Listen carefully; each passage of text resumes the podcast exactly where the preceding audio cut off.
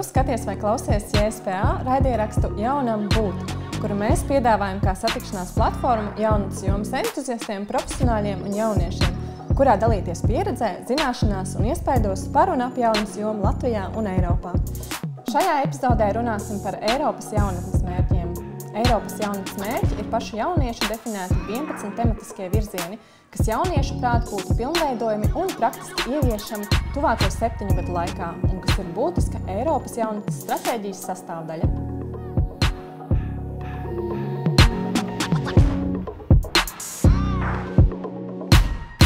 Šodien runāsim par tēmu kvalitīvu mācīšanās, un kā jau ierasts, esmu aicinājusi pie mums ciemos divus ekspertus, katru ar savu pieredzi, un viena no tām ir Sintīna Lase kas ir neformālās izglītības mācību vadītāja ar nu jau vairāk nekā desmit gadu pieredzi.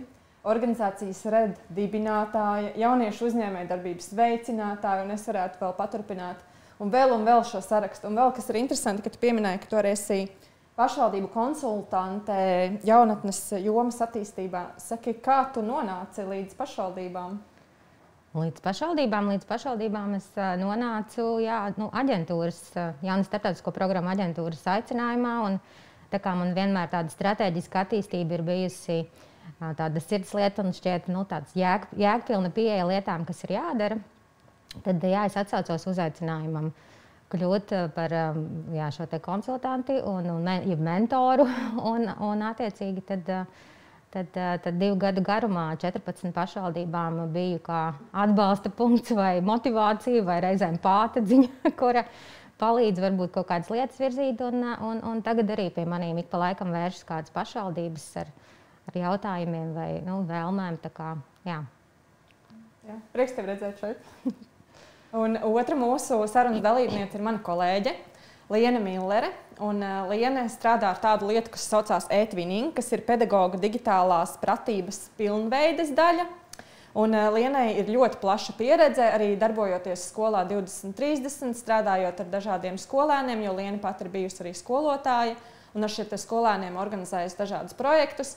Un uh, būtībā, principā, man šķiet, ka tu esi strādājis ar visām vecuma grupām, gan ar uh, pirmsskolu, vai sākuma skolu, vidusskolāniem un pieaugušajiem. Saki, kura tev no šīm auditorijām ir tāda sirdī vistuvākā? Nu, patiesībā, sakot, jā, es esmu strādājis tiesa gan ar pirmskolu pavisam neilgu laiku. Es ļoti ātri sapratu, ka tas nav priekš manis. Man tas mīļākais laikam ir tas pusauģu vecums, kad viņi ir tādi spuraini un ļoti pieprasa no tevis godīgumu. Tad tev ir jābūt godīgam gan pret sevi, gan pret viņiem. Jo tikko tu kaut kur kaut neievērosi, tev uzreiz to, to, to norādīs un, un izcels ārā gaismā. Uh, Kā, man liekas, ka tas ir mans mīļākais vecums. Protams, protams studenti, jā, tā ir atkal cita mērķa auditorija. Tur man, protams, pārsteidza tieši tas, ka tu viņiem pasaki, un viņi dara. Eh, kas, eh, teiksim, strādājot skolā, parasti ir tas pirmais, ka tu izcīnies par lietām, eh, kas viņiem tagad ir jādara, kur, kur viņi atrodas un, un mēs, kur mēs virzīsimies tālāk. Tad ar studentiem tas, protams, bija vieglāk. Viņi jau atnāca diezgan motivēti, un tas bija mans lielākais pārsteigums. Tādā ziņā ar viņiem bija viegli strādāt, bet mīļākie tomēr laikam ir pusauģi. Nu jā, man liekas, tā jau arī dzīvē ir. Līdz ko tev ir kaut kāda grūtība, un tu vairāk esi ieguldījies, tu vairāk spēj novērtēt to, un tev pašam tāds gandarījums. Un, uh, mēs jau arī pieskārāmies un izskanējām, ka ir dažādas grupas, ir dažādas vajadzības. Un arī šīs mācīšanās var būt dažāda. Var mācīties uh, interešu izglītībā, kaut ko apgūt, var katru dienu kaut ko mācīties, var mācīties akadēmiski vai skolā. Sintījā, lai mēs tā varētu runāt par vienotām lietām un vienā valodā, vai tu vari nedaudz ieskicēt, kas ir šīs dažādas mācīšanās formas vai vidas, kur to var darīt? Mm -hmm. Tas, kā mēs neformālās izglītības mācību vidē esam iedalījuši, iedefinējuši. Un, nevienmēr visi plašāk tam piekrīt. Ir, ir formālā izglītība, kas šķiet tāda nu, loģiska, tā ir skola un skolas vide, un, un vairāk saistās ar, ar, ar šo te eh, mācīšanās platformu. Tad ir uh, interešu izglītība, kas ir vairāk šie hobiji. Uh, tad arī mēs izdalām ikdienējo mācīšanos, kas ir vairāk tāds neplānots un spontāns process, kur mēs mācāmies tādā savā ikdienas gaitās, kaut kur dodoties un varbūt pat neapzinoties, ka mēs mācāmies. Nu, tad ir neformālā izglītība, kā mēs to definējam, ka šis ir tāds ārpus formālās izglītības, tāds vairāk saistīts ar jaunatnes jomu. Tāds process, kas ir joprojām tāds organizēts, nu, tāds mērķtiecīgs un virzīts process, bet tur ir vairāk tādi elementi. Pirmkārt, tas ir brīvprātīgs process, otrkārt, tur mēs vairāk skatāmies grupu kā resursu. Nevis ir skolotājs un ir tie, kas mācās, bet vairāk tā ir arī mācīšanās citam no cita, mācīšanās būt kopā. Un mācīšanās arī darot, un tādas vairāk interaktīvas mācību metodes. Bet man, nu, teiksim, esot arī nu, plašāk ārpus šīs jaunatnes jomas, pieaugušo, piemēram, izglītībā, bieži vien norāda, ka nē, neformālā izglītība tas nav tas, ko tu saki. Tās vienkārši ir tādas interaktīvas, iesaistošas mācību metodes, ka tas nu, neformāla izglītība lieto citā kontekstā. Nu, jā, un tad no vienas puses ir forši sagrupēt, kas ir kas, no otras puses man šķiet, tas arī ieliek tādās kastītēs. Un reizēm, vismaz manā pieredzē, nedaudz arī pretnostata tās inter, piemēram, interešu izglītība vai formālā, neformālā. Un, un savā ziņā tāda kaut kāda rīvēšanās, vai varbūt pat nezinu, cīņa par jaunieti. Un tad jaunietis ir tāds izglītības ķīlnieks, kuram, kuram beigās varbūt nav skaidrs, ko tad man darīt. Jo skola saka, nē, es tur nevaru doties uz tām mācībām, bet man tur atkal patīk. Un, nu, visādas tādas situācijas, tāpēc es ļoti pēdējā laikā aizvien vairāk un vairāk aicinu skatīties uz izglītošanos un izglītību kā vienu tādu vienotu kopumu kur ideālā pasaulē šīs visas institūcijas sadarbotos, jo viss tas rezultāts, jau uz ko mēs skatāmies, ir tas, tas jaunietis, kuram tas rezultāts ir vajadzīgs, tās kompetences un tas iegūms. Un, Liene, vai tu arī šajā Sintīs komentārā saklausi kaut kādas lietas, kas tev ir pazīstamas, ja mēs runājam par definējumiem vai formulējumiem? Kas ir tie termini, ko izmanto vairāk formālajā izglītībā, vai te izskanēja uh, interaktīvas metodas vai neformālās izglītības metodas vai pieejas, vai nu, kā kurš sauc, kā mēs varam runāt par to vienā valodā? Un es teiktu, es principā ļoti piekrītu tam, ko Zintīte tikko teica. Es arī uzskatu, ka dalījums ļoti uh, nodara lielu kaitējumu. Jo patiesībā katra grupa cenšas kaut kā pārliecināt, ka redz, vai nu mēs formālajā izglītībā esam svarīgāki, jo tev tas dzīvē būs svarīgi, tev būs dokuments par izglītošanos, un, un tas pārējais ir tikai tāda izklaide.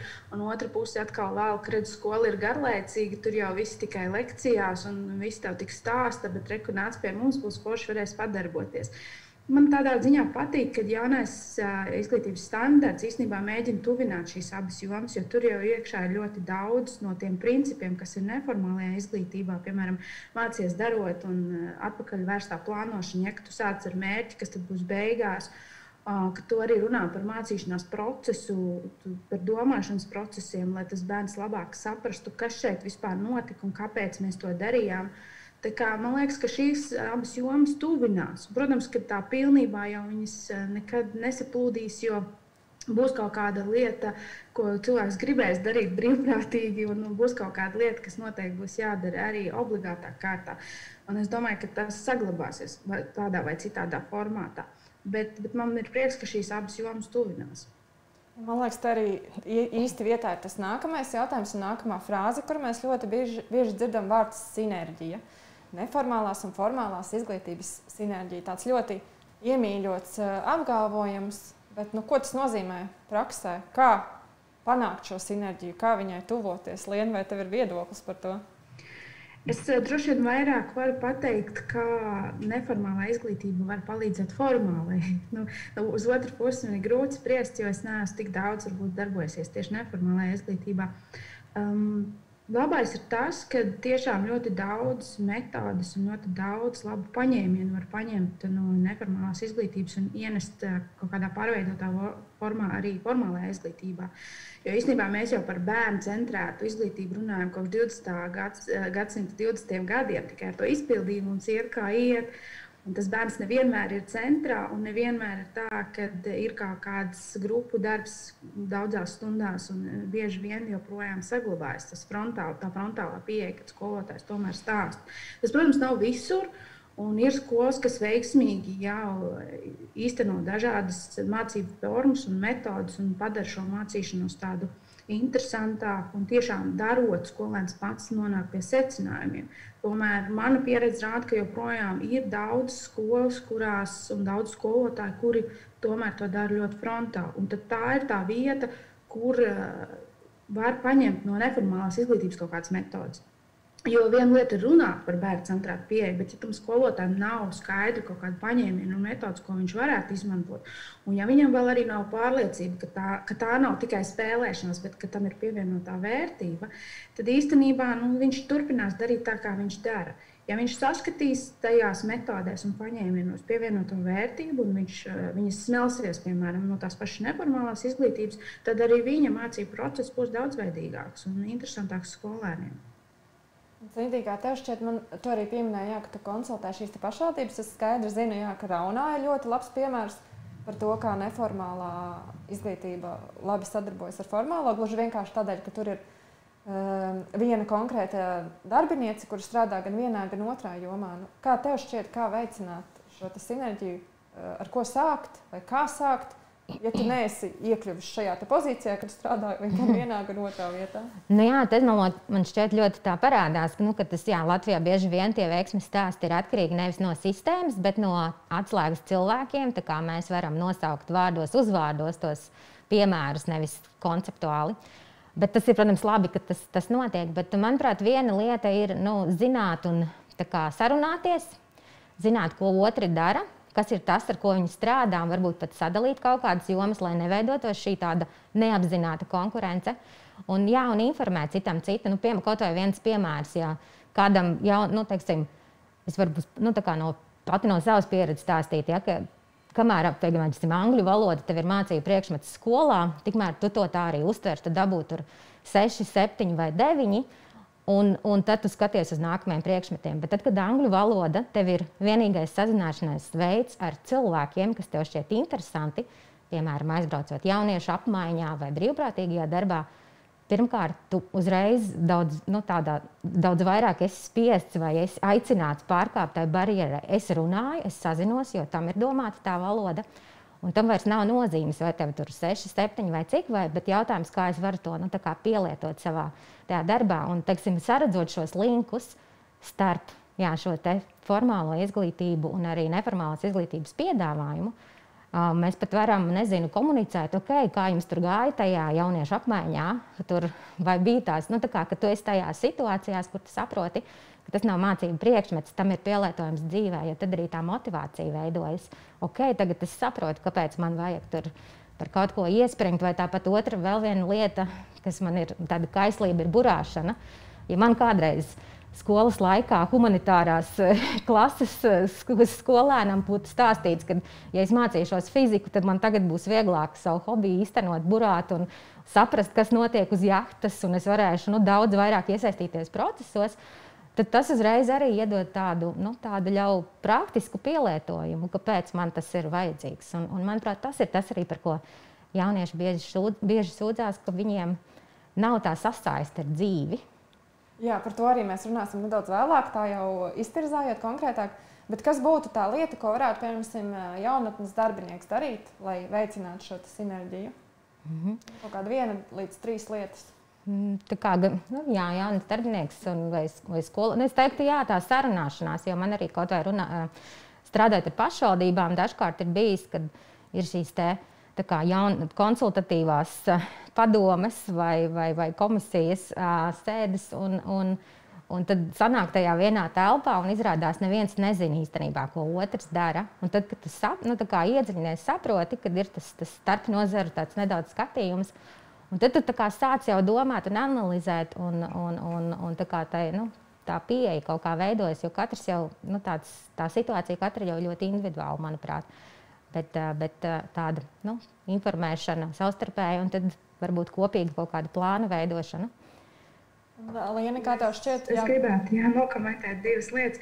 Jā, par to, par to sadarbību savstarpējo. Manuprāt, ja daudzas nevalstiskās organizācijas jau piedāvā skolām dažādas programmas, kas, kuras skolotāji var izmantot ar saviem jauniešiem, vai nu braukt pie viņiem, vai aicināt viņus pie sevis.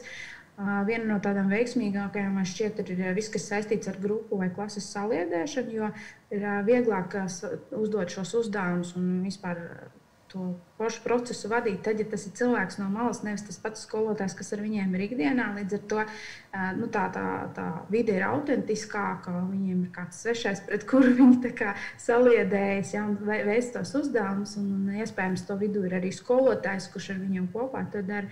Tā, kā, tā, tā ir viena lieta, un otra lieta Runājot par to angļu valodu, man liekas, ka te forši parādās arī tā ikdienas mācīšanās, vai spēja vai nespēja ikdienā mācīties. Jo mums ir arī daudz piemēru, kad cilvēks aizbrauc uz ārzemēm, pats uz savu galvu strādāt, bet atgriežas arī neiemācījies valodu, jo viņam, nav, viņam tur ir bijusi tāda barjera, ka viņš nav spējis to valodu iemācīties. Vai viņš ir dzīvojis tādā vidē, kur apkārt ir tikai latvieši, poļi vai krievi, kur viņš runājas citās valodās, nevis angļu valodā.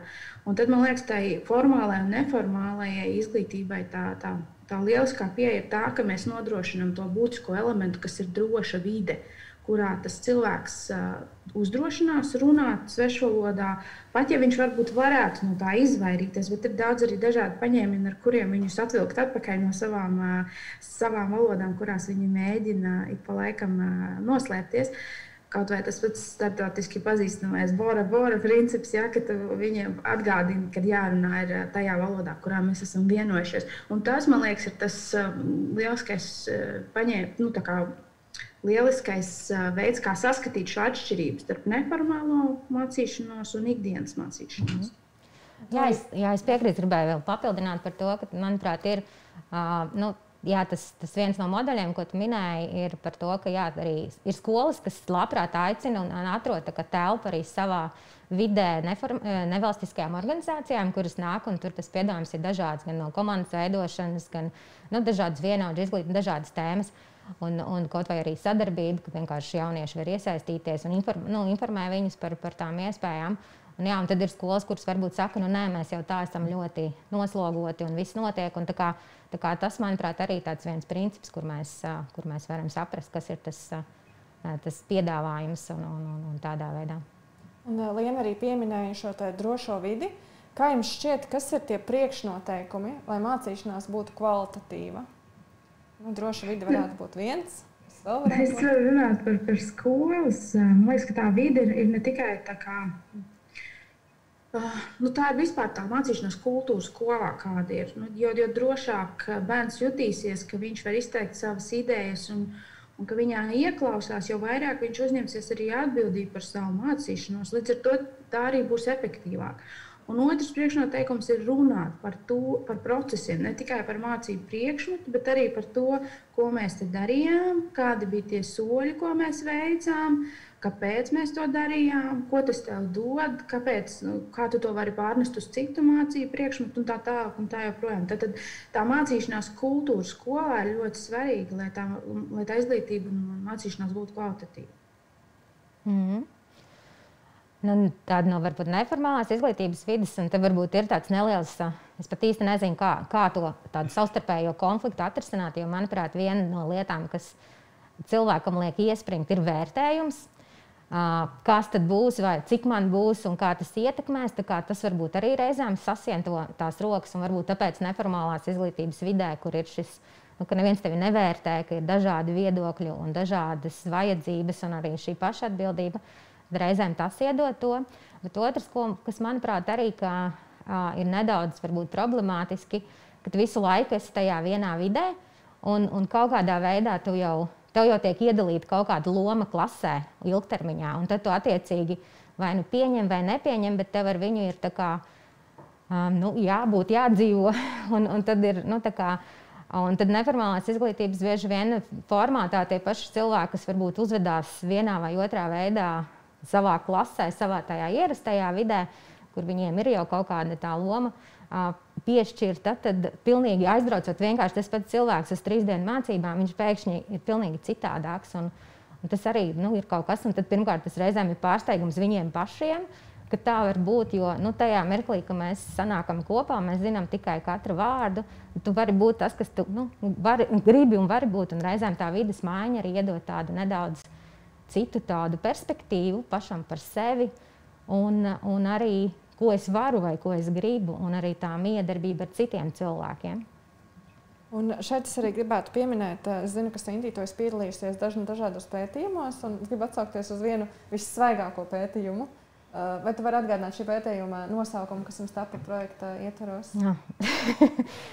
Princip, konceptuāli tas bija, tas bija pētījums. Mēs pētījām jaunatnes darbinieku redzējumu un vajadzības, kā mācīšanās vajadzības, un vispār mēģinājām analizēt jaunatnes politikas sistēmu Latvijā un, un arī tās iespējas mācīties un izglītoties, un arī salīdzinājumu ar jaunatnes, pašu jaunatnes darbinieku vajadzībām un ar piedāvājumu, un skatījām to caur prizmu, ar, caur šīm jaunas darbinieku kompetencēm.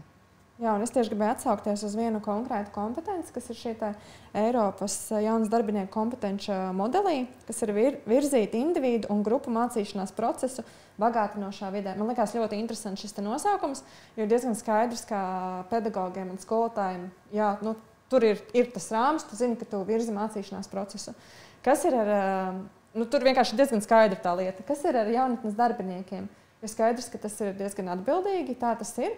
Bet no nu, jauniešu centriem var būt ļoti dažādas pieejas. Vieni var nodrošināt brīvā laika aktivitātes, vieni var nodrošināt brīvo laiku, neformālas izglītības dažādus piedāvājumus sniegt, vai interešu izglītību un tā tālāk. Kas ir tās varbūt kompetences un kas būtu būtiski jaunam darbiniekam, lai viņš tiešām varētu tā labi virzīt šos procesus? Ja. Es domāju, ka jā, tā kompetence, teiktu, mācīties, mācīties, ir, ir tā lieta, ko es nezinu, kā ir šobrīd skolā. Varbūt Liena var pastāstīt vairāk, bet man, man tā sajūta, ka to nekur nemāca. Uh, ko nozīmē prast mācīties? Nu, kad tu uzņemies atbildību par savu šo mācīšanās procesu un saproti, ka mācīšanās var notikt visur, dažādos formātos. Es pats varu kombinēt to. Es varu kombinēt, ok, man ir jāiet uz skolu, man ir formālās izglītības tā tas, tā, nu, tā, uh, programma, bet plus es vēl varu darīt dažādas lietas. Uh, Un, un tajā veidā mācīties, var mācīties individuāli, var mācīties grupā kā, un uzņemties patiesībā šo atbildību par mācīšanās procesu. Ir, nu, tā ir prasme, kas ir jāiemācās. Un, un es redzu, ka skola un arī jaunatnes joma var būt lielisks platformas, kur to darīt, jo mēs jau sen dzīvojam tajā realitātē, ka mēs mācāmies visu mūžu un būsim godīgi neviena gatavā mācību programma mums nevar piedāvāt visu to kā, mācību procesu, kas mums ir nepieciešams. Jo mēs katrs esam individs un katram ir citas mācīšanās vajadzības, un arī intereses un tam līdzīgi, un arī tas kopums ir dažāds. Un, nu jā, un tad, manuprāt, šis ir tas ļoti, ļoti svarīgais punkts - apzināties, kur un kā mēs mācāmies, un redzēt to, to plašo spektru Jo patiesībā pat arī teiksim, vadot dažādas mācības arī skolotājiem par dažādām šīm interaktīvām metodēm, ko mēs izmantojam neformālajā izglītībā, kad es jautāju, nu, kā, okay, kāds ir, varētu būt jūsu mācīšanās plāns nākamajam pusgadam, lai attīstītu kādu no kompetencijām, kas jums ir nepieciešama, tad pirmais, kas nāk prātā, ir iešu tajos kursos. Nu, kā, ar tādu, nu, ka mācīties tas nozīmē konkrēti jau izveidot programmu. Bet, manuprāt, ir svarīgi nu, saprast, ka tas process ir daudz plašāks. Un, jā, un tas ir tas, uz ko, manuprāt, mēs diezgan pieklibojam. Un arī daudzos jauniešu centros mēs organizējam daudz pasākumus, bet vai mēs skatāmies uz šiem pasākumiem, un kas, protams, jauniešiem patīk, bet vai mēs skatāmies uz šo pasākumu procesu kā uz mācīšanās procesu, vai mēs parokam dziļāk, ko tad es iemācījos, esot šajā procesā. Un, jā, tas ir tas punkts, kas, manuprāt, ir jārok dziļāk, dziļāk un dziļāk. Jā, un arī, ja tā paskatās internetā, tad var atrast to, ka jaunieši arī grib studēt tādā izklaidējošā manierē, lai tas būtu gan saistīts pēc tam ar viņu nodarbinātību, vai iespējams ar uzņēmēju darbības iespējām un tā tālāk. Bet, Liena, kāds ir tavs komentārs par šo mācīšanos, mācīties? Es piekrītu, ka tas joprojām mums ir tādā ļoti, ļoti primitīvā posmā, šo, nu, stāvoklī šobrīd mēs mācāmies gan kā skolotāji, gan kā sabiedrība domāt par mācīšanos kā par procesu, un no, arī no šī procesa kaut ko mācīties. Bet tas ir metakognitīvais līmenis. Līdz ar to uh, daudziem tas sagādā grūtības pakāpties no tā procesa, ko mēs tikko darījām, un parunāt par to, kā mēs to darījām. Uh, daļai cilvēku, man, man ir bijusi tieši pieredze strādāt arī ar pedagogiem, ka daļai no viņiem ir grūti pakāpties to vienu solīti atpakaļ. Es, ne, es nevaru izskaidrot, kāpēc. Tur droši vien ir kāds psihologs, kurš varēs izskaidrot, kā, kā šie procesi notiek cilvēku galvā un kāpēc kādam tas ir vieglāk un kādam tas ir grūtāk. Bet daļai tiešām ir grūti pakāpties atpakaļ un, un paskatīties uz to procesu no malas.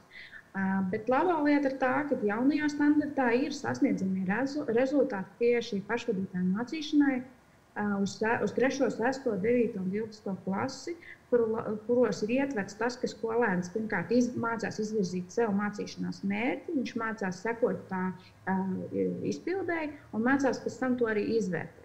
Nu, tur ir, protams, vēl daudz nianses iekšā, bet nu, tie ir tie trīs galvenie posmi, kas ir iekšā no pašvadītas mācīšanās. Vēl laba lieta ir tā, ka tur ir arī sociāla emocionālā mācīšanās, jo tu nevari domāt par, par mācīšanos, kamēr tavas emocijas bangļo un kamēr tu esi varbūt emocionāli visam kur citur. Tu, tu pirmkārt nevari iesaistīties normāli mācību procesā, bet arī nevari nemaz runāt par kaut kādiem metodoloģiskiem procesiem. Tātad šīs abas lietas iet roku rokā un tās jaunajā standartā ir. Bet, protams, paies savi 5, 6 gadi, kamēr mēs tam reāli redzēsim rezultātu.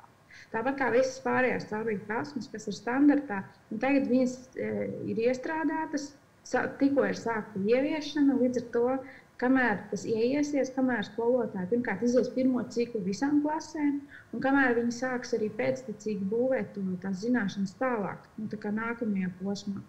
Tas, protams, prasīs kaut kādu laiku, un tad tikai mēs varēsim redzēt tam rezultātu. Bet tur ir ļoti, ļoti daudz labas lietas iekšā.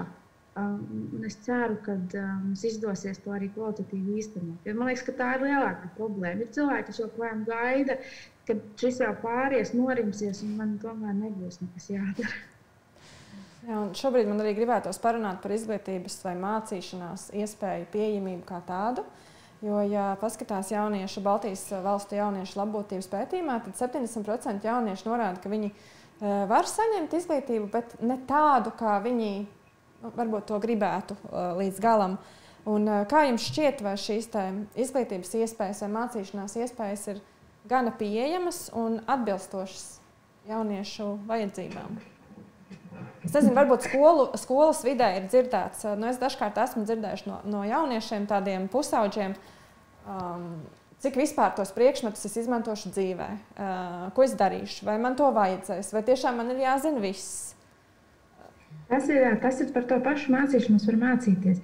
Ja es nesaprotu, kāpēc mēs to darījām, ja es neredzu uh, apakšā, kas bija tās prasmes, nu, ne tikai nerunāsim par nezinu, kā aprēķināt trīsstūrim, uh, laukumu, bet kas ir tās prasmes, kas, kas manī attīstas, kad es mēģinu to atrisināt. Ja? Pirmkārt, pacietība, kaut kādi tikumi, kaut kādi ieradumi, pabeigt darbu. Arī tās lietas tu mācies skolā, jo tu nedari tikai to, kas tev patīk. Tev ir jāmācās darīt arī lietas, kurām varbūt ir mazliet jāpiespiež. Un pēc tam tu mācies arī, tu, tu sajūti to gandarījumu, ka tu esi izdarījis. Tad, tad tās lietas arī tu mācies. Un, ja par šo nerunā ar bērniem, tad viņiem rodas sajūta, ka nu, es mācos kaut ko bezjēdzīgi, un man pēc tam varbūt dzīvē to nevajadzēs. Viņi nespēja pārnest arī daudzas lietas, piemēram, to bieži var redzēt skolā, kad informātikā mācās, kā taisīt prezentāciju, un pēc tam visos pārējos mācību priekšmetos viņi tās prezentācijas taisa pavisam savādākas nekā informātikā. Tad šī pārnes arī ir jāmācās. Ja tu to mācies vienā priekšmetā, tad kā tas izskatās manā priekšmetā? Ja es procentus mācu matemātikā, tad kā šie procenti parādīsies ķīmijā? Kā mēs ķīmijā viņus aprēķinām? Tāpat vai citādi? Nu, tā skolotājiem arī savstarpēji jāsadarbojas, lai, lai būtu vieglāk skolēniem redzēt šos sakarību, redzēt šo pārnesi un arī spēt pašiem to, to pārnest no viena priekšmeta uz otru priekšmetu un pēc tam arī uz savu ikdienu. Jā, jā neformālā izglītībā mēs ļoti konkrēti runājam par to, ka tas ir indivīda vajadzībās balstīts. Viņam tā ļoti mm -hmm. personiski kaut kādā mērā. Nu jā, šeit arī ir nedaudz tāda pretruna, jo, ja mums tomēr izgl... nu, tādā formālā izglītībā ir programma, kas tev tā kā tāds standarts, kas ir jāapgūst, tad šeit mēs vairāk skatāmies uz tām vajadzībām, un tāpēc varbūt tas ir tāds pie, nu, tāds interesantāks formāts, un, un tad mēs vairāk varam atbilst tajām vajadzībām. Bet jā, viens, viena lieta, ko jūs minējāt iepriekš par to, ka tā ja mēs sasaistām to vajadzību ar to ikdienu, nākotni un tam līdzīgi. Bet tagad, es, klausoties Lienas, es atcerējos savu, savus skolas laikus, kas bija ļoti sen atpakaļ, un tādas spilgtākās mācīšanās pieredzes skolā. Un, un, ja godīgi, tad pirmais, kas man nāk prātā, labi, es vienmēr diezgan nu, ļoti labi mācījos, un tā, bet man tas, man tas process tāpat nebija saistošs. Tas, ko es atceros, mums bija viena kolosāla. Tas, jā, tas, ko es atceros, vairāk ir manās individuāli vajadzībās balstīta mācīšanās, arī skolas vidē. Viens punkts, tas, ka es drīkstēju brīvajā laikā, tad, kad es mācījos, tad mums pirmie datori vispār skolā parādījās. Tas bija kaut kas tāds, un, un datoru, datoru mācībā mēs mācījāmies viņu ieslēgt un izslēgt, un spēlēt spēlīti un uzrakstīt vienu vārdu, un tad viss priecājas. Tā kā, nu, tie bija tie laiki. Uh, bet tas, ko es atceros, es drīkstēju atrasties datoru klasē pēc stundām. Un šis bija process, kad es, es veidoju skolas avīzi, un man ļoti interesēja, bet es gribu iemācīties uztaisīt smuku maketu. Un es vienkārši, pat man nebija tur skolotājs, kas mācīja, tur nebija programma. Es vienkārši mēģināju, darīju. Un rezultātā es tur nezinu, taisīju maketus, korelu drāvu programmā. Es tagad nesaprotu, kāds bija iespējams, vai Vordā. Vai pat beigās skolotājiem palīdzēju uzrakstīt bakalaura darbu datorrakstā, jo vienkārši man bija iespēja uh, mēģināt un darīt tās lietas, kas man tajā mirklī šķita interesantas. Un, uh, un tā ir tāda viena epizode, kas man nāk prātā. Un otra, kas ir arī šīs neformālās izglītības pieeja skolā, jau arī pirms daudziem, daudziem gadiem es biju kolosāla uh, literatūras skolotāja, kura, piemēram, ieskaita par mērnieku laikiem, bija uh, pieliet, tika pielietota tāda drāmas uh, metode, mums bija tiesas process. Mums katram bija varonis, kurš mums bija vai nu jāizstāv, vai nu jāapsūdz tiesas procesā. Un caur to mēs pirmkārt sapratām, tur nu, diskutējām par dažādām lietām, par, par procesiem. Tur uzreiz parādījās dažādas ētikas dilemmas un viss kaut kas tāds. Un šis ir tas, ko es joprojām atceros. Un trešā epizode, ko es atceros, bija mans lēmums 11. klasē lai gan es 10. klasē tikai biju sākus mācīties uh, angļu valodu. Es likšu eksāmenu angļu valodā 12. klasē, un, šos, un nu, tas nebija vispār man paredzēts. Skolotāji man ļoti ilgi, vairākas nedēļas centās no tā atrunāt. Bet mums jau gadu iepriekš bija jāpasaka, kurus eksāmenus mēs liksim, lai mēs varam sagatavoties.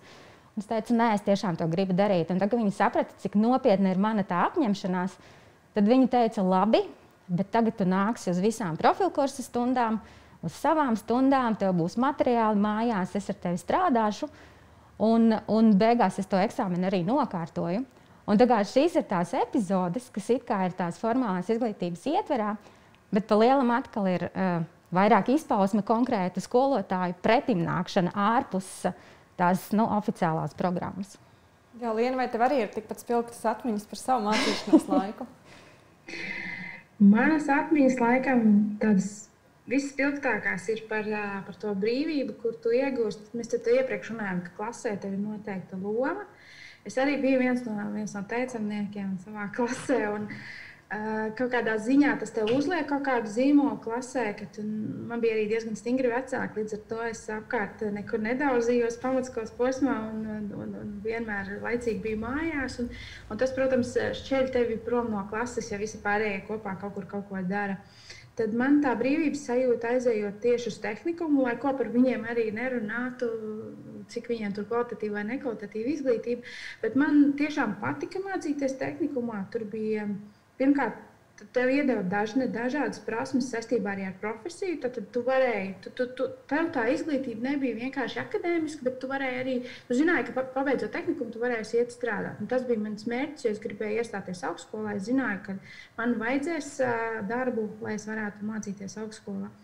Un tāpēc es gāju uz tehniku. Bet tā brīvības sajūta, ka tu vari būt kas vien vēlies tagad, jaunajā vidē, tu vari veidot sev jaunu identitāti. Uh, Un, tā, man liekas, ir tā spilgtākā lieta. Protams, man arī visvairāk paukuši atmiņā tieši tie uzdevumi no skolas, kuros ir bijis iespēja radošāk vai brīvāk izpausties. Mums, piemēram, bija tajā pašā tehnikumā, mums bija jāveido dialogs ar vācieti un jāatbild ar viņa dzīslas rindām. Tas bija viens no darbiem, kurus tiešām veltīja kādas 5, 6 stundas, lai to uzrakstītu. Viņš bija tiešām garš. Uh, Un, un, un es arī saņēmu augstāko vērtējumu. Mums bija arī iespēja rakstīt pašiem epifānijas. Tā kā ir dažādas lietas, kuras, jo, jo radošāks ir tas pieejams, jo, jo nav, ja nav tikai viena pareiza atbilde, kur tev ir jāatrod, un, un tev ir iespēja meklēt pašam kaut kādas formas, vai ceļus, vai, vai vienkārši runāt par to, ko tu esi izlasījis vai, vai iepazinis. Man liekas, ka tam ir tā pievienotā vērtība, kas paliek atmiņā, jo tad tu tajā darbā ieliec daļu no sevis. Tas nav tikai aizpildi lodziņu, apvelc pareizo atbildi vai ieraksti pareizo risinājumu, bet tu tiešām tajā iesaisties un, un, un atstāji daļiņu sevis. Jā, man liekas, ka tas ir tā, kāpēc tas paliek atmiņā vairāk. Mm. Jā, un arī runājot par iesaisti, man liekas, tie ir arī divi faktori, kad skolu vidē ārpus stundām mēs varam runāt arī par jauniešu pašpārvaldēm. Ko, ko tās dara, ko viņas organizē. Liena, vai tev ir arī kāda pieredze vai informācija par to, kā tiek izmantotas skolānu pašpārvaldes? Uh, tas ir tāds sāpīgs jautājums, manuprāt.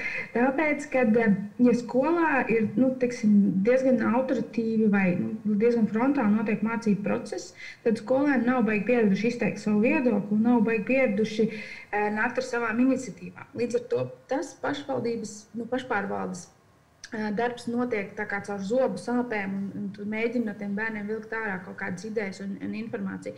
Tikko tie bērni ir sajutušies sadzirdēti un, un kaut kādas viņu iniciatīvas tiek ņemtas vērā, tad tas darbs veicas vieglāk. Protams, kaut kur droši vien kaut kādā brīdī kaut kas mazliet ir jābremzē, kad tas iet varbūt pat traki un kaut kas neiet kopā ar skolas mērķiem galīgi vai, vai to, kā mēs redzam savu skolu. Bet, bet kopumā, jā, es domāju, tas, cik ļoti bērni jūtas sadzirdēti, cik ļoti viņi jūtas droši, ka viņi drīkst izteikt savu viedokli, nu, ka tam ir arī kaut kāda jēga, ka viņš izsaka, ka tiešām nu, teiksim, tas pats direktors, ja viņš uzrakstīs iesniegumu, ka viņš tur grib uh, pusdienās vienreiz nedēļā frī kartupeļus, nu, ka tas direktors varbūt nenoraksta to iesniegumu ar smieklīgu, ka, nu, tad, ja, bet ka viņš tiešām apsvērs to un, un varbūt pamatos viedokli, kāpēc nē vai kāpēc jā, un ja viņš atradīs veidu, veidu, kāpēc jā, tas būs vēl lielāks pluss, jo tas bērns tiešām sajutīsies sadzirdēts. Bet tas jau notiek arī tādā stundas līmenī. Ja skolēnam arī stundas līmenī ir iespēja kaut ko ierosināt skolotājiem vai kaut ko, kaut ko izvēlēties, tad viņš pierod, ka viņa balsī ir, ir nozīme. Un tad arī viņš grib kaut kur iesaistīties, tad viņš arī grib kaut ko vairāk darīt kaut kādā skolēnu pašpārvaldē. Jo, teiksim, neformālajā izglītībā vai kādās jauniešu organizācijās ir vieglāk, jo tur jau viņi salasās līdzīgi domājuši un viņi grib kaut ko darīt. Bet skolā tev ir tas rāmis, un ja tas rāmis ir nospiedošs, tad tu arī negribēsi neko. Jo tu tev tur liksies, nav jau jēgas, man jau tāpat nedzirdēs. Vai nu, tev ierosinājumi muļķīgi viņiem liksies, un viņi tāpat viņus neļaus man īstenot. Tā kā, man liekas, ka tā sadzirdēšana ir būtiska. Jā, un līdzdalība arī. Un eh, Sintīna, tu iepriekš darbojies organizācijā RED, kas tad eh, arī ir nosūtījusi daudz jauniešus brīvprātīgajā darbā. Kā tu redzi, kas varētu būt šī brīvprātīgā darba iegūms, piemēram, ja skolas arī gribētu varbūt kādu projektu vai jauniešiem kādu papildus aktivitāti?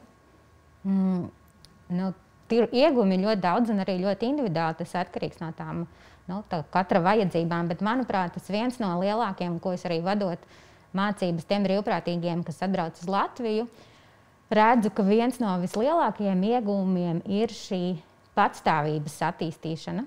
Nu, tā, tā ir varbūt, it īpaši, ja brauc no zemēm, kur, kur šī kultūra ir dzīvot kopā ar vecākiem ļoti ilgu laiku. Nu, kā, tad viņiem tā ir vispār pirmā tāda patstāvības iespēja, ka tu pats plāno savu budžetu, darba laiku, pats tiec ar problēmām galā, vispār esi citā vidē, citā kultūrā.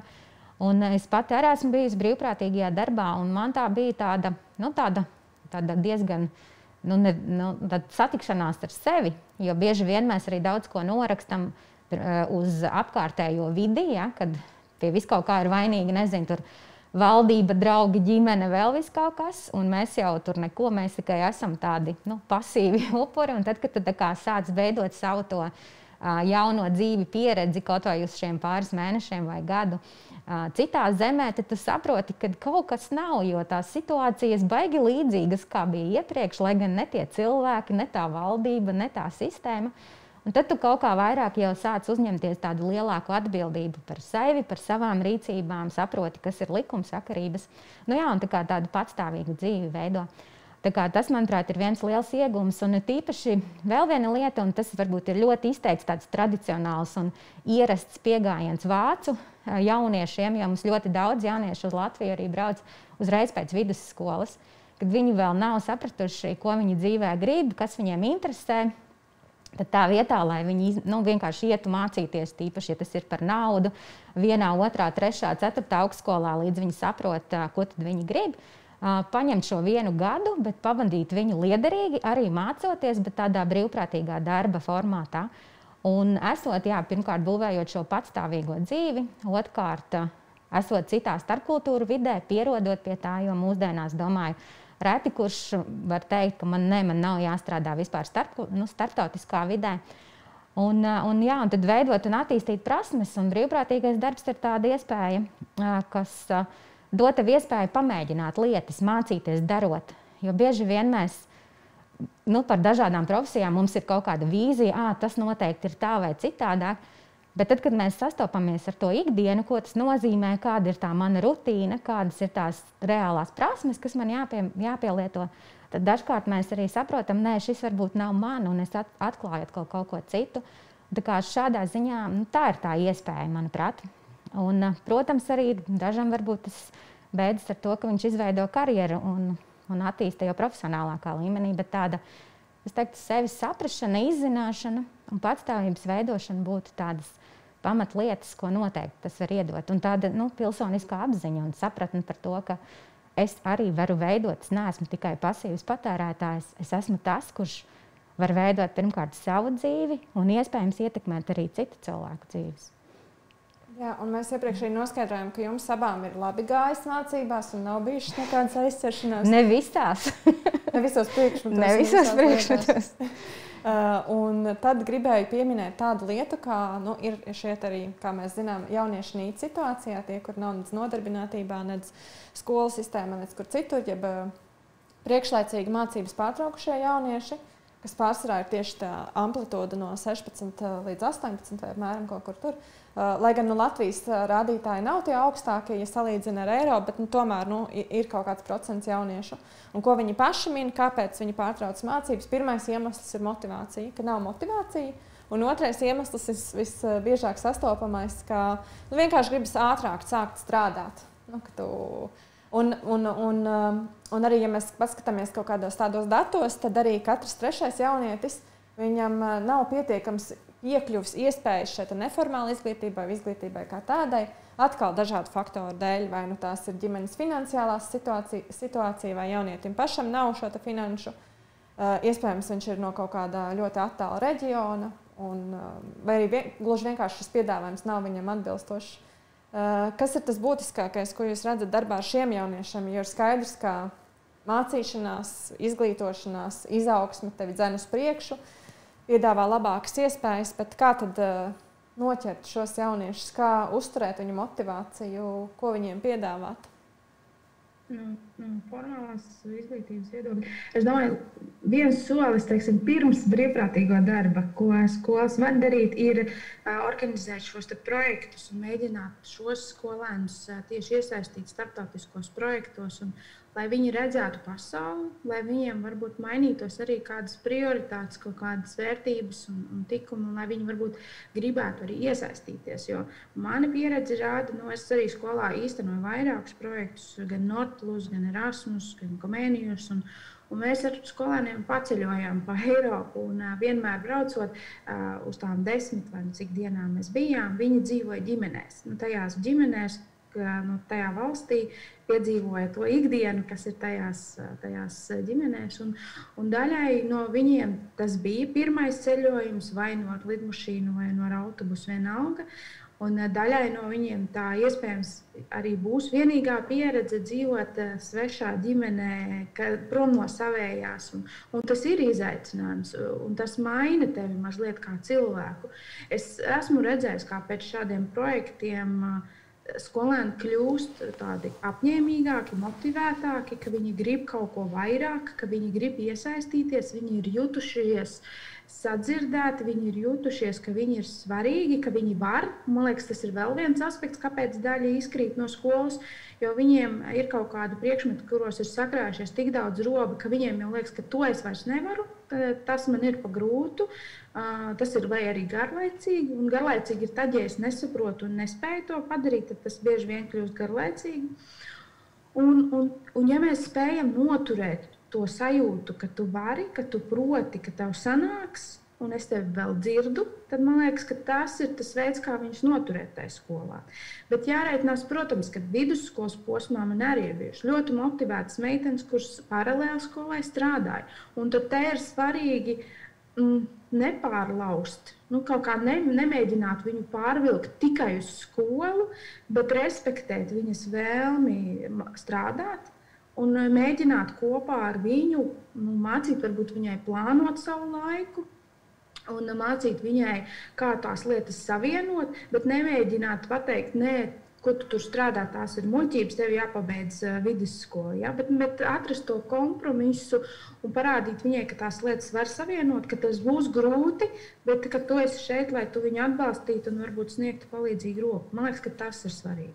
Bet nav tā, ka bieži vien projektos sūta tos jauniešus, kuriem ir labākās sekmes. Nu, tas, tas ir atkarīgs no skolas. Mm. tas ir atkarīgs no skolas un skolotāja, kurš organizē projektu. Protams, tas ir vieglāk, bet uh, man ir bijuši ļoti lieli rakari, kuri, kurus es esmu ņēmis projektā nu, ar, do, ar, mazliet ar, ar bažām, kā man ies. Bet lielākoties viņi ir bijuši ļoti labsirdīgi jaunieši, kuri ir gatavi izpalīdzēt tikai mācībās. Viņi ir mazliet tādi, nu, ka tur varbūt stundā patraucēs, lai viņam nebūtu nekas jādara, jo nu, viņš ir kaut kur mazliet iesprūdis tajā mācību procesā. Bet īstenībā nu, kā, tu jau skolēnu redzi kopumā, tu redzi, kā viņš tev ikdienā pret tevi izturas. Uh, vai viņš pret tevi izturas ar cieņu, vai viņš mēģina palīdzēt, vai viņš nu, neizsmēja visus pārējos. Nu, un tad jau nav tik svarīgi, cik viņš tur sekmīgs vai nesekmīgs. Tu vienkārši viņu mēģini pavilkt, jo, jo tu gribi viņam dot kaut ko vairāk. Un bieži vien tieši pievienotā vērtība ir tieši tiem jauniešiem, kuriem nav tās iespējas aizbraukt. Vairāk nekā tiem, kas tāpat ar ģimenēm apceļojuši pusi pasauli. Mm -hmm.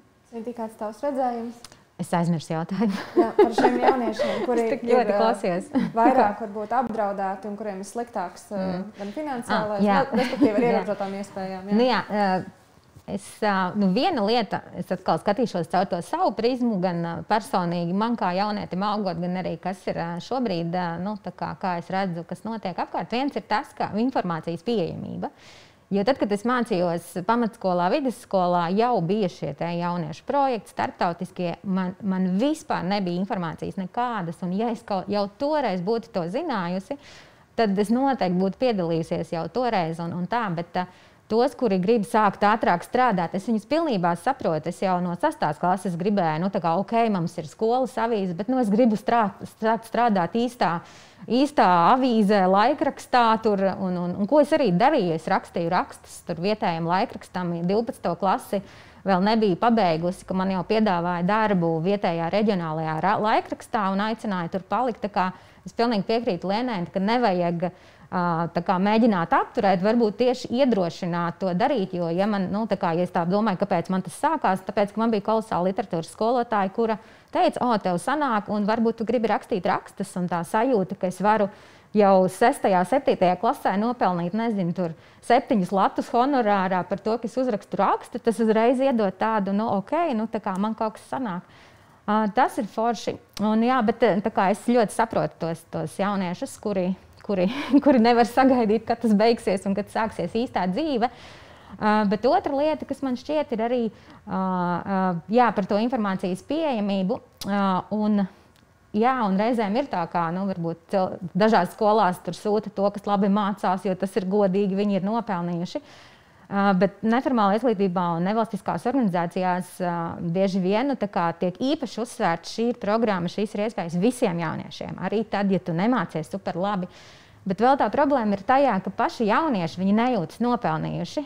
viņi, viņiem nav tā pašapziņa tāda bieži vien, ka viņi jūtās, jā, es pat drīkstu pieteikties, nu, ka es drīkstu vispār gribēt tur piedalīties. Un, un tas ir tas, ar ko varbūt reizēm nu, arī jāstrādā. Jo reizēm pat tā informācija ir šeit, un te ir jaunietis, bet viņš neredz, ka tā informācija ir par viņu, ka tā, tas var būt viņam domāts. Bet man arī ir ļoti lieliska, kolosāla pieredze, piemēram, ar to pašu brīvprātīgo darbu. Bija jā, jaunietis, kuru kuram bija ļoti skarbi dzīves apstākļi ģimenē, un, un, un arī nu, nebija ne, arī uztur, uztur līdzekļu un, un ģimenes atbalsta. Un mēs aizsūtījām viņu uz vairākiem mēnešiem brīvprātīgajā darbā. Un atgriežoties, man bija, un pēc tam viņš kaut kā pazuda no mūsu redzesloka. Un tad vienreiz es eju, es eju pusdienās, un es redzu, ka viņš ir tas, kurš Rīgā pizzērijā cep pizzas, un man ir tāds nu, tā patīkams sajūta. Jūs zināt, ka nu, viņš ir dabūjis darbu, viņš ir atradis to savu vietu, viņš ir atgriezies, viņam tur ir bijis uh, forši, un arī nu, viņš ir arī noticējis sev, ka viņš īstenībā var atrast to savu uh, nu, realizāciju. Un, un, un tādas stāsti, man liekas, ir. Nu, jā, kā, manuprāt, skola ir tāda lieliska vieta, kur kā, cilvēki, jaunieši, viņiem ir tur jābūt, un viņi tur ir. Un tad skolotāji noteikti ir tie, kuri ikdienā ar viņiem esot, var izķert šos jauniešus un saprast, ok, šim jaunietim var būt vajadzīga tāda veida palīdzība. Un reizēm skola to varbūt tādā formātā nevar piedāvāt, bet kaut vai pieiet un pateikt, ka nu, kad tu vari tur pieteikties vai tu vari pamēģināt. Un, un ka, nu, tā ir arī tava iespēja, nevis tikai to, kam ir desmitnieki visos priekšmetos. Manuprāt, tas arī ir viens solis par to sadarbības veidošanu starp jaunatnes jomu, neformālo izglītību un skolu. Jā, un tu arī minēji, ka rekuršīta puiša brīvprātīgā gadījumā, kad ir ļoti būtiski atrast to vienu vai vairākas lietas, kas tev patīk, padodas un kuras darot, tu esi apmierināts. Un tev, man liekas, arī ļoti forša projekta pieredze, kur tev arī ir izdevies eh, apvienot lietas, kas tev patīk un interesē, eh, uz ko es vedinu, uz šo burāšanu Jā. un uzņēmējdarbību. Vai tu vari pastāstīt par šo unikālo projektu un ko tas ir sniedzis jauniešiem, ka viņi var tādā neordinārā vidē apgūt vēl kaut kādas papildus lietas. Mm -hmm. Jā, man pēdējos piecus gadus, man, mana kaislība, ne, man pēdējos septiņus gadus ir kaislība burāšana. Un arī pēdējos gadus, nu, kopš es sāku burāt, es arī sapratu, cik daudz tur ir mācīšanās iespējas. Un mācīšanās iespējas tieši tiem, kas nevar klasē nosēdēt uz vietas, kam varbūt akadēmiskā pieeja nav tik, nav tik saistoša. Jo burājot, tur ir Tur ir fizika, tur, ir, jā, tur ir ļoti daudz fizikas, tur ir ļoti daudz tādu uzņēmējspēju attīstības, jo tev ir jā, jātrenē disciplīna, tev ir jātrenē uzņēmība, tev ir jātrenē izturība un arī ļoti daudz sociālās prasmes. Jo tā ir dzīve komunā, ļoti tuvu vienam pie otra, respektējot vienam otru, rūpējoties vienam par otru.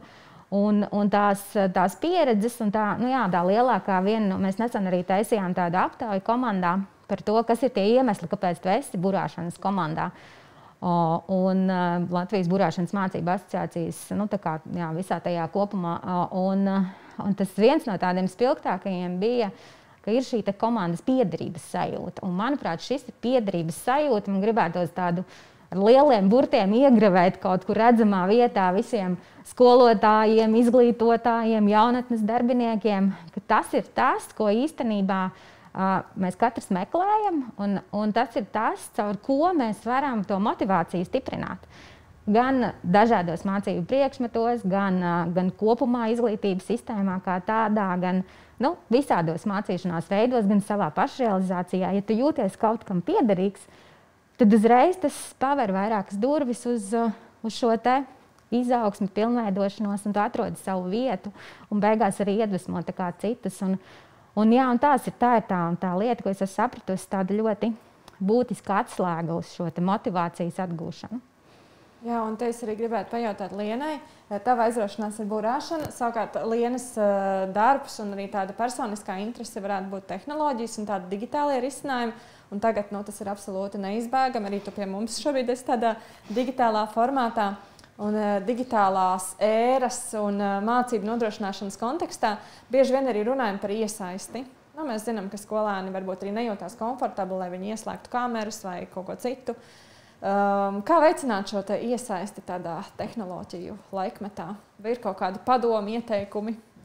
Mēs, mēs etnīgā daudz par šo domājam, jo mums viens no tādiem vērtēšanas kritērijiem, kad mēs skatāmies uz projektiem, ir tieši sadarbība un skolēnu iesaistu projektā attīst, idejas attīstīšanā. Tad tie ir tādi divi, divi ļoti nozīmīgi aspekti. Uh, bet es domāju, ka te ir vēl, viens, uh, vēl viena lieta, pirms mēs runājam par digitālo, par ko ir vērts varbūt padomāt, ka mums valstī vajadzētu stiprināt sociālo dienestu kaut kādu spēju, palīdzēt spēju kaut kā šīs ģimenes atbalstīt, ne tikai izliekot, uzliekot sodus vai kaut kā tamlīdzīga, bet arī dot viņiem tās prasmes, kā savu darbu, savu dzīvi organizēt.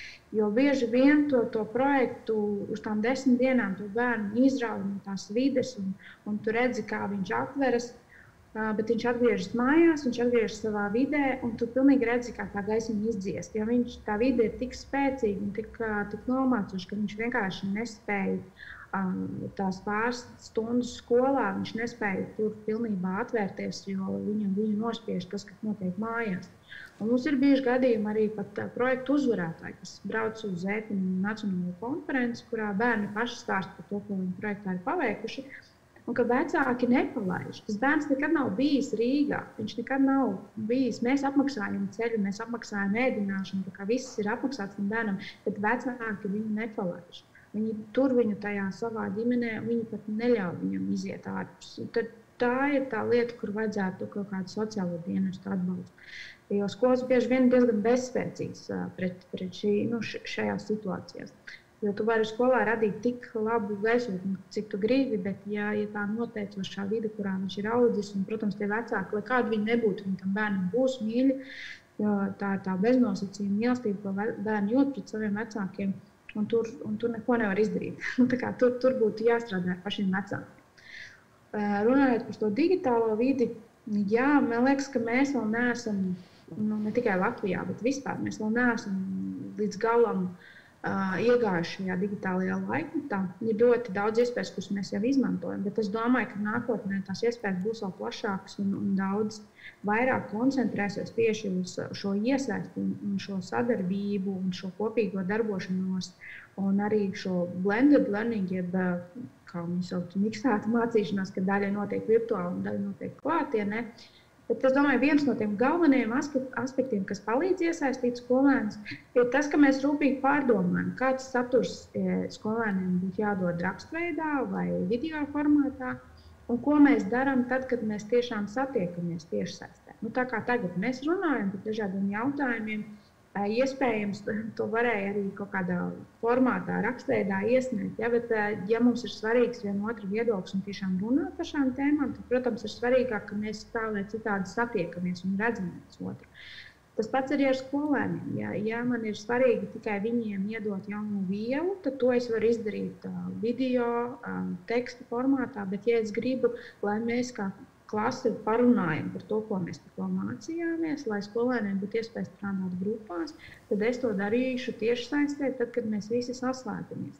Un arī tur ir svarīga tā drošā vide. Tie kaut kādi noteikumi, kurus mēs visi ievērojam, Un arī kāpēc, kāpēc nu, ja tu izskaidro skolēnam, kāpēc ir svarīgi to kameru ieslēgt. Un varbūt tu parādi, kā uzlikt filtru, lai neredz to, kāda viņam ir istaba. Ja nu, tu, tu mēģini arī novērst kaut kādas iespējas, kas uh, viņam varētu, nu, tu mēģini novērst kaut kādus riskus, kāpēc viņš negrib to kameru ieslēgt. Un arī paskaidro, kāpēc ir svarīgi, kad es tevi redzu. Uh, Es domāju, ka tas var palīdzēt radīt arī to, to drošo vidi, kurā viņš uzdrošināsies arī vairāk iesaistīties arī digitālajā vidē. Bet, jā, tas ir, tas ir dīvaini, bet arī pieaugušie digitālā vidē uzvedas pavisam savādāk bieži vien aizmirst tik vienkārši lietu, kā sasveicināties, esot mazajās grupās. Arī viņiem pie tā ir jāpierod un jāmācās. Tāpēc um, skolēni nav nemaz atšķirīgi no pieaugušiem. Arī viņi mācās tikai mums, kā pieaugušiem, būtu jābūt gudrākiem un jāmāk viņiem sniegt to palīdzīgo roku. Jā, Sinti, tu arī vadi mācības šajās digitālajās mm -hmm. platformās. Kāda ir tava pieredze, kā veicināt iesaisti? Uh, jā, nu, mana tā pieredze ļoti interesanta ar to, ka uh, tad, kad nu, viss sākās, un tad bija, mēs bijām fakti priekšā, tagad mēs to darīsim digitāli. Man pirmā reakcija bija ļoti. Nē, es to nedarīšu, jo tas nav iespējams. Neformālo izglītību nav iespējams šo pieeju pilnvērtīgi īstenot digitālajā vidē. Uh, Bet tad, kad tas pirmais šoks pagāja un sākām darīt, un mēģināt un testēt variantus, tad, tad mans secinājums bija, ka 90% no visām metodēm var digitalizēt. Un šo iesaisti var panākt. Un vismaz tā kopējā sajūta, ko, kas, ko es arī saņemu kā atgriezenisko saiti no tām mācībām, ko es vedu, ka ah, nu mēs nemaz nebijām domājuši, ka būs tik iesaistoši un, un nu, tāda klātbūtnes sajūta. Un es pilnīgi piekrītu Lienai par to, ka tas ir, tas, ja tā ir jaunā vide, kur mums jāsāk mācīties soli pa solim. Tas ir arī tas, ko mēs uzreiz sākumā atrunājam par ieslēgtu uh, kameru, bet vai arī, ja nav ieslēgta, tad nu, kā, kas ir tas, kā mēs kopā, nu, kā mēs kopā jūtamies. Jo es arī sapratu, ka man kā mācību vadītājai un arī manam kolēģiem, ar ko mēs kopā strādājām, mēs runājam par to, ka mums ir ļoti dīvaini. Jo, nu, tu neredzi kaut vai ar acīm, ja nav tās ieslēgtās kameras, vai nav kaut kāda ķerme, ķermeņa valoda, kas tev kaut kādā veidā apstiprina, jā, turpini stāstīt, vai nē, es to nesaprotu, vai šitais ir itī garlaicīgi. Nu, tu redzi tikai to seju un reizēm neredzi. Un tad mēs ļoti novēl, no, nu, runājām par to, ka, okay, cik ļoti tu uzticies tai grupai, ka viņi ir ar visām, visu savu šo iespējamo klātbūtni šeit un tagad, un ja tiešām ir uz mirkli jāizskrien, tad nu, tas ir steidzami. Kā, cik ļoti ir šī uzticēšanās savstarpējā. Un, un, un tad beigās man tā sajūta bija tāda, ka Un, protams, arī šie te tehniskie izaicinājumi, arī secinājumi, ka mazāk ir vairāk, ka nemēģināt 17 dažādas gadgetus un programmas izmantot vienu mācību ietveros, citādi tas pārtop par digitālo mācību rīku mācībām, nevis un saturs kaut kur pazūd starp tiem digitālajiem rīkiem, ka labāk izmantot kaut kādu vienu, divus rīkus un to tā vienkārši pieiet. Bet, jā, bet manuprāt, tāpat ir jābūt kaut kādam tādam iepazīšanās procesam, tāpat ir jābūt grupas sajūtai un, un, un šī interaktivitāte. To visu var nu, dažādi nodrošināt. Un tas, ko es tagad, par ko es pati biju pārsteigta, kad jā, ka mēs runājām par šo tikšanos, teica, bet nē, bet es nemaz negribu nākt klātienē. Tas taču ir tik ērti piecelties no rīta, izdzert savu rīta tēju, aiziet trīs soļus pie datora, ieslēgt un būt klātesošam veselā grupu darbā. Nu, kā, kad savā ziņā jau tā sākotnējā tā ļoti tāda, nē, šitais nestrādās, tagad jau ir kļuvis par tādu normu, vismaz manā dzīvēm Un, protams, es arī priecājos satikt klātienē cilvēkus, bet reizēm tagad šķiet, ka tā klātiene pat ar dažiem cilvēkiem ir tāda tik intensīva, tik ļoti nu, tāda, ka tā, tās mājas ir varbūt nedaudz kā, citādākas kļuvušas. Bet, bet tas, kas manuprāt ir jādara, lai iesaistītu, ir, ir nu, pirmkārt nenobīties no tā, no tās, tās pašas platformas un tam līdzīgi. Ļoti, ko es sapratu, ļoti vajag pārdomāt visus šos tehniskos rīkus un sagatavot. Gatavošanās process varbūt aizņem vairāk laika, klātienē tu vari vairāk improvizēt. Un, un, jā, un tā tāda nu jā, iesaiste ar da, gan dažādu rīku palīdzību, gan arī sarunāšanās. Un cilvēkiem ļoti patīk īstenībā runāt tajās mazajās grupās un apmainīties idejām. Un te arī mēs kaut kā dabīgi esam pietuvojušies noslēguma jautājumiem, un es jūs gribu aicināt nedaudz pasapņot un paraudzīties nākotnē. Kādu jūs redzat šo kvalitatīvas mācīšanās formulu? Ja mēs padomājam vairākus gadus uz priekšu, kas ir tas galējais mērķis, uz ko mēs ejam un kāda ir tā priekšnoteikuma, lai to sasniegtu? Nu, man, es ļoti ceru, ka mēs būsim par šo laiku iemācījušies novērtēt klātieni, un mēs daudz rūpīgāk pārdomāsim, ko mēs darām klātienē arī mācību procesā. Kuras lietas uh, var uzticēt darīt patstāvīgi, un kuras lietas mēs darām stundā klasē.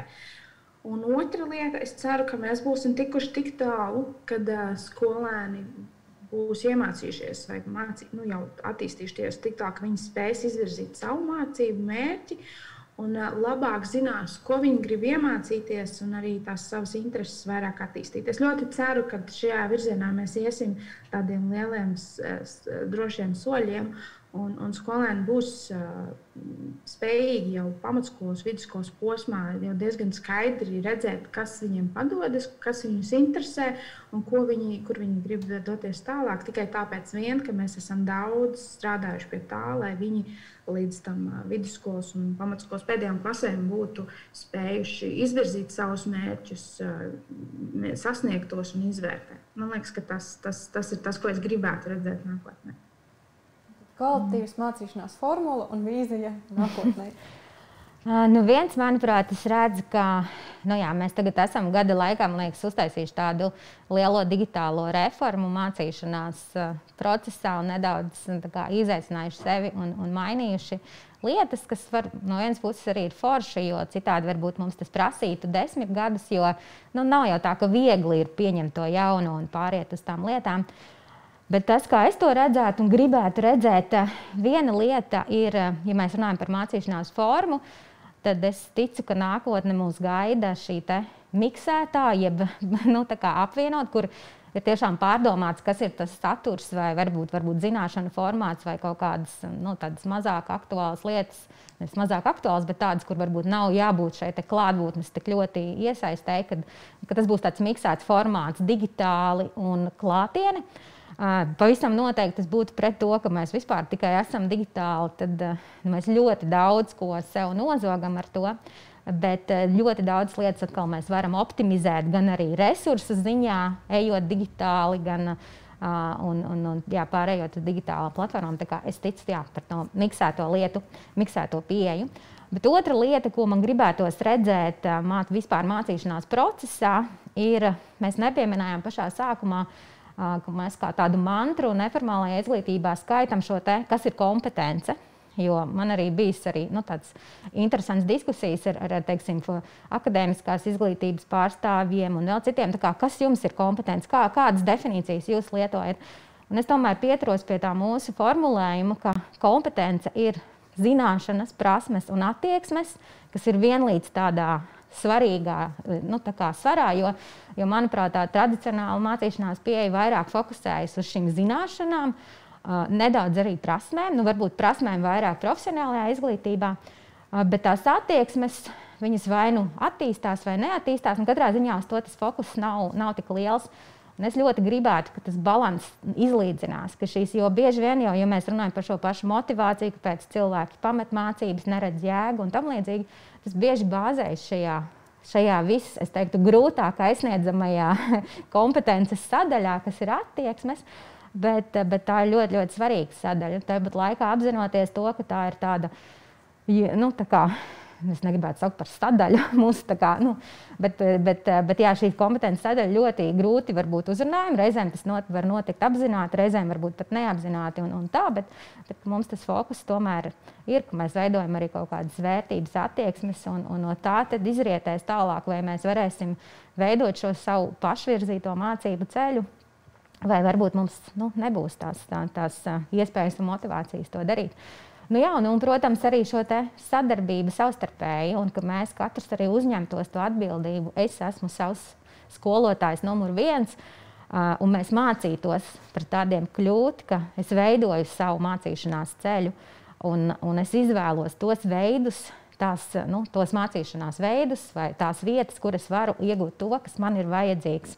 Un, protams, pretī, lai ir iespēja nu, to izmantot, jo bieži vien Tā mācīšanās var notikt uh, tikai, nu, tev ir vienkārši pieejams resurss. Teiksim, nezinu, tu gribi apgūt montēšanas programmu, tev ir šī programma, tas ir viss, kas tev ir vajadzīgs. Vai, vai jā, kaut kādas citas, vai tu gribi apgūt angļu valodu, tev ir kāds, ar kuru viņā sazināties. Un tā kā, nu, tādu iespēju pieeja, es teiktu.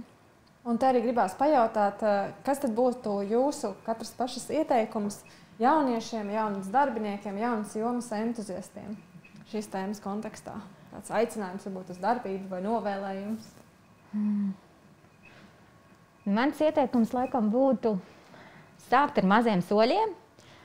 Necerēt, ka cilvēks, kurš nekad nav šo apzināto mācīšanās procesu gājis, viņš uzreiz arī viss tagad paņems, jā, es iekārtoju savu mācīšanās dienas grāmatas, katru dienu rakstu visu kaut ko un tam līdzīgi. Uh, ka katrs tas solis mazais, ir virzienā uz pat ja pirmo reizi.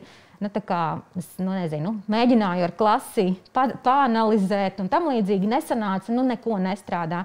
Protams, ka, ja tev tā pieredze nav, tad ir bieži vien tā ne, nu, nevēlēšanās to darīt un tā, bet uh, pa maziem solīšiem kā, ielikt tos elementus un, un varbūt jā, šo te, uh, nu, kā, veidot tādu, tādu Un arī pašiem, jo manuprāt, mēs mēs katrs arī esam piemērs, jo jaunieši jau arī skatās uz mums uz kā tādiem piemēriem, ko mēs darām, vai mēs paši attīstam sevi šo prasmi.